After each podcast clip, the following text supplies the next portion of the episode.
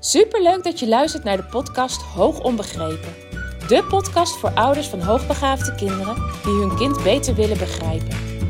Mijn naam is Eveline Noordzij en in deze podcast deel ik tips en inspiratie zodat jij jouw kind beter gaat begrijpen, meer en meer in jezelf gaat geloven en durft te gaan vertrouwen op jouw intuïtie. Hoe ga je om met uitdagende situaties? Wat heeft jouw kind van jou nodig? En hoe zorg je voor verandering zodat jouw kind zich gelukkig voelt? Ik heb er veel zin in om dit allemaal met jou te delen. Dus laten we voor vandaag maar beginnen.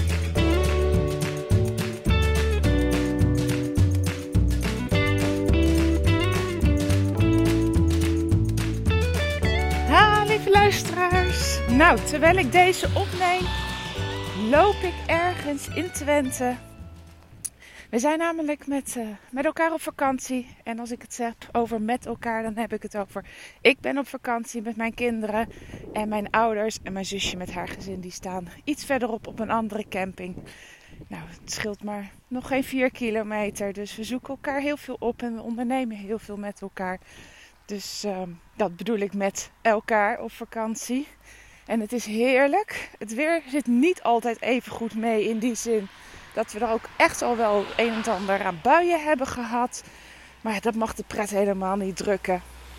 En voordat ik hier verder ga met deze podcast, ga ik even met je doornemen wat we de afgelopen dagen gedaan hebben.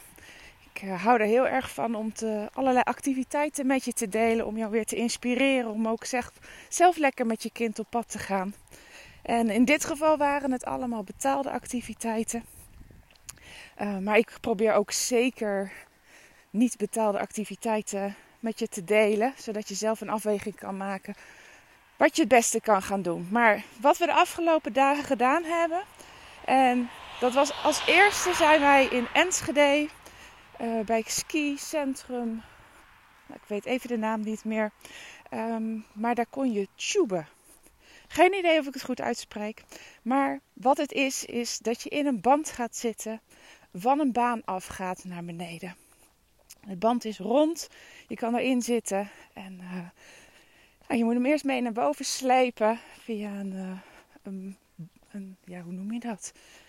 Het is eigenlijk een uh, kabelbaantje-achtig iets waar je in ieder geval je aan vast kan houden. Zodat je een beetje omhoog geholpen wordt. Dan neem je die band mee naar boven. En als je eenmaal boven staat, dan, ja, dan ga je lekker naar beneden. En je kan alleen, je kan als een treintje achter elkaar. En ja, de kinderen hebben ervan genoten. En ik eigenlijk ook. En dat had ik niet verwacht. In eerste instantie heb ik altijd zoiets als we zulke dingen gaan doen. Oeh, dat vind ik wel echt heel spannend. Goedemorgen. En dan denk ik, jeetje, nou weet je, laat maar. Ik doe het vooral voor de kinderen. Ik hoef niet zo nodig. Maar ik roep ook heel vaak naar de kinderen van, joh, luister. Als je niet weet of iets leuk is, of als je niet weet of iets spannend is, of dat je het eng vindt, ga het gewoon proberen. Dan weet je het. Nou ja, en ik ben ook zo iemand die vindt van als je dingen tegen de kinderen zegt, moet je ze zelf ook voorleven. Dus dat betekent dat ik uh, gewoon naar boven ben gegaan. Ook al vond ik het eigenlijk best wel behoorlijk spannend. En nou ja, eenmaal naar beneden gedaan ja, was het super, super, super leuk. Dus ook ik ga af en toe door mijn eigen angsten heen. Uh, als voorbeeld voor de kinderen vind ik heel erg belangrijk. Maar was echt heel erg leuk. En ik begreep van mijn zus dat het op meer plekken in Nederland kan. Dat verwacht ik ook niet anders. Maar ik wist het niet en ik had het nog nooit van gehoord. En uh, nou, ik deel het heel graag met jou als aanrader om eens met je kinderen te gaan doen. Nou, en de andere dag zijn wij naar, even denken hoor. Ja, zijn we met paard en wagen gegaan. Een grote kar met uh, twee hele sterke paarden voorop. En hebben wij een uh, rondrit van bijna 2,5 uur gedaan door het Twentse landschap. Met een uh, al wat oudere man die heel gepassioneerd kan vertellen over alles wat je in de omgeving ziet. Dat was ook echt heel erg leuk om te doen. En gisteren zijn wij naar een fruitplukboerderij geweest. En daar hebben we allemaal verschillende soorten fruit zelf kunnen plukken. En alles wat je plukt, dat kan je kopen en dat neem je dan mee naar huis. En in deze, deze keer bij de fruitboerderij hadden ze niet alleen één soort fruit. Nee, ze hadden aardbeien, bramen, uh, en frambozen. Dus uh, ja, de kinderen hebben heerlijk kunnen plukken. En we hadden behoorlijk wat bakjes fruit mee. En gisteren ook gelijk al lekker op zitten eten. En dat was heerlijk. En ook dat soort activiteiten vinden de kinderen heel erg leuk om te doen. Het, de afwisseling, daar houden ze heel erg van. En voor vandaag gaan we kijken wat we gaan doen. Er zijn al wel wat ideeën. Maar er is nog niks concreets. Ik zei, we gaan eerst even lekker, tenminste we niet. Ik ga even lekker wandelen. En dan, gaat, uh, dan gaan we het straks met elkaar bespreken tijdens het ontbijt. Nou, voordat wij op vakantie gingen, heb ik de podcastcursus Hoe overleef ik de zomervakantie afgemaakt. Er moesten nog twee podcasts opgenomen worden. Dat heb ik afgelopen zaterdag gedaan. Die staan ook online. Hij is helemaal klaar, helemaal af. En dat betekent dus ook dat ik besloten heb dat het de laatste week is dat, eh, dat de podcastcursus nog gekocht kan worden voor 25 euro. Ik denk dat er ontzettend veel waarde in zit in die podcastcursus. Veel meer waarde dan dat. Uh, ja, veel meer waarde dan eigenlijk het bedrag uh, gerechtvaardigt. Maar ja, ik wil gewoon jou zo goed mogelijk op weg helpen. Maar, en ik denk dat je hier echt een heel eind mee gaat komen. Voor degenen die nog niks daarover gehoord hebben, die de afgelopen afleveringen niet beluisterd hebben, zal ik even kort vertellen wat de podcastcursus is. Nou, in deze cursus beluister je een heleboel podcasts. Hij bestaat uit vier modules en elke module bestaat weer uit vier of vijf podcasts. En in de eerste module ga ik het hebben met je over verwachtingen. Hoe groot de invloed van jouw verwachtingen kan zijn op het verloop van de zomervakantie. En vooral hoe jij je verwachtingen kan omdraaien, kan transformeren om echt een positieve vakantie van te kunnen maken. Het tweede module gaat over zorgen voor jezelf. Dat is, vind ik zelf een heel belangrijk onderwerp. Want op het moment dat jij goed voor jezelf zorgt, zal je ook veel meer aankunnen, tegen veel meer dingen kunnen, veel meer van je kinderen kunnen hebben. En dat draagt direct ook bij aan een positieve sfeer in huis. Dus daar heb ik ook een hele module over gemaakt. Van hoe zorg je nu dat je goed voor jezelf kan zorgen. De derde module gaat over relatieopbouw. Hoe zorg je nu dat je meer en meer in verbinding met je kind komt, zodat jouw kind ja, zich gehoord en gezien en begrepen voelt? Dat kan je, daar heb jij als ouder heel erg veel invloed op. Daar heb ik een hele module over opgenomen. En dan de laatste module gaat over wat hebben hoogbegaafde kinderen of vermoedelijk hoogbegaafde kinderen nodig. En daar heb ik, die bestaat uit vier modules, waaronder ik een uitgebreide module heb, uh, tenminste een uitgebreide podcast heb opgenomen over autonomie. Hoe zorg je dat het kind voldoende autonomie krijgt zonder alles zelf te kunnen bepalen? Ik heb het ik heb het daarin met je over. Oh, er komt echt even veel verkeer langs. Ik heb het uh, in een andere podcast met je over uitdaging en rust. Hoe zorg je voor die balans? Wat hebben kinderen nodig ten aanzien van uitdaging, ten aanzien van rust?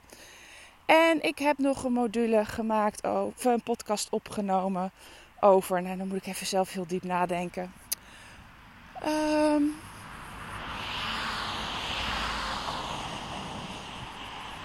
over structuur. Wat is de invloed van een bepaalde structuur, een bepaald patroon hebben? Ja, dat is ook ontzettend belangrijk en is iets wat we, wat er nog best wel eens vergeten wil worden. Dat ook hoogbegaafde kinderen daar heel erg ja, behoefte aan hebben. Dat het voor hen heel erg van belang is om dat ook te bieden. Nou, daar gaat ook een hele podcast over. Nou, dan ga ik het met je hebben vandaag over het uiteindelijke onderwerp waar ik het met je over wil hebben. En dat is namelijk plezier hebben in het opvoeden van je hoogbegaafde kinderen. En wat ik zie en wat ik merk is dat er heel vaak vanuit problemen, vanuit moeilijkheden gepraat wordt. Het is zwaar, het is pittig. Het vraagt heel veel van ons als ouders. Alles gaat moeizaam. En ja, dat, dat is ook zo. Soms gaat het ook even moeizaam. Soms is het ook pittig. Soms denk je ook van poe poe, het valt even allemaal niet mee.